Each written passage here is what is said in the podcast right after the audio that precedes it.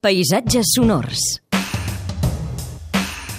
Albert Murillo, bon dia. Molt bon dia. Avui, els dimecres, és aquell dia que tenim eh, animals de companyia, peluts, Mm-hmm. plomats i pelats, i avui tu també hi contribueixes i ens portes al so d'un gos. Sí, sabies que en 4 segons un gos és capaç de treure's el 70% de l'aigua de sobre?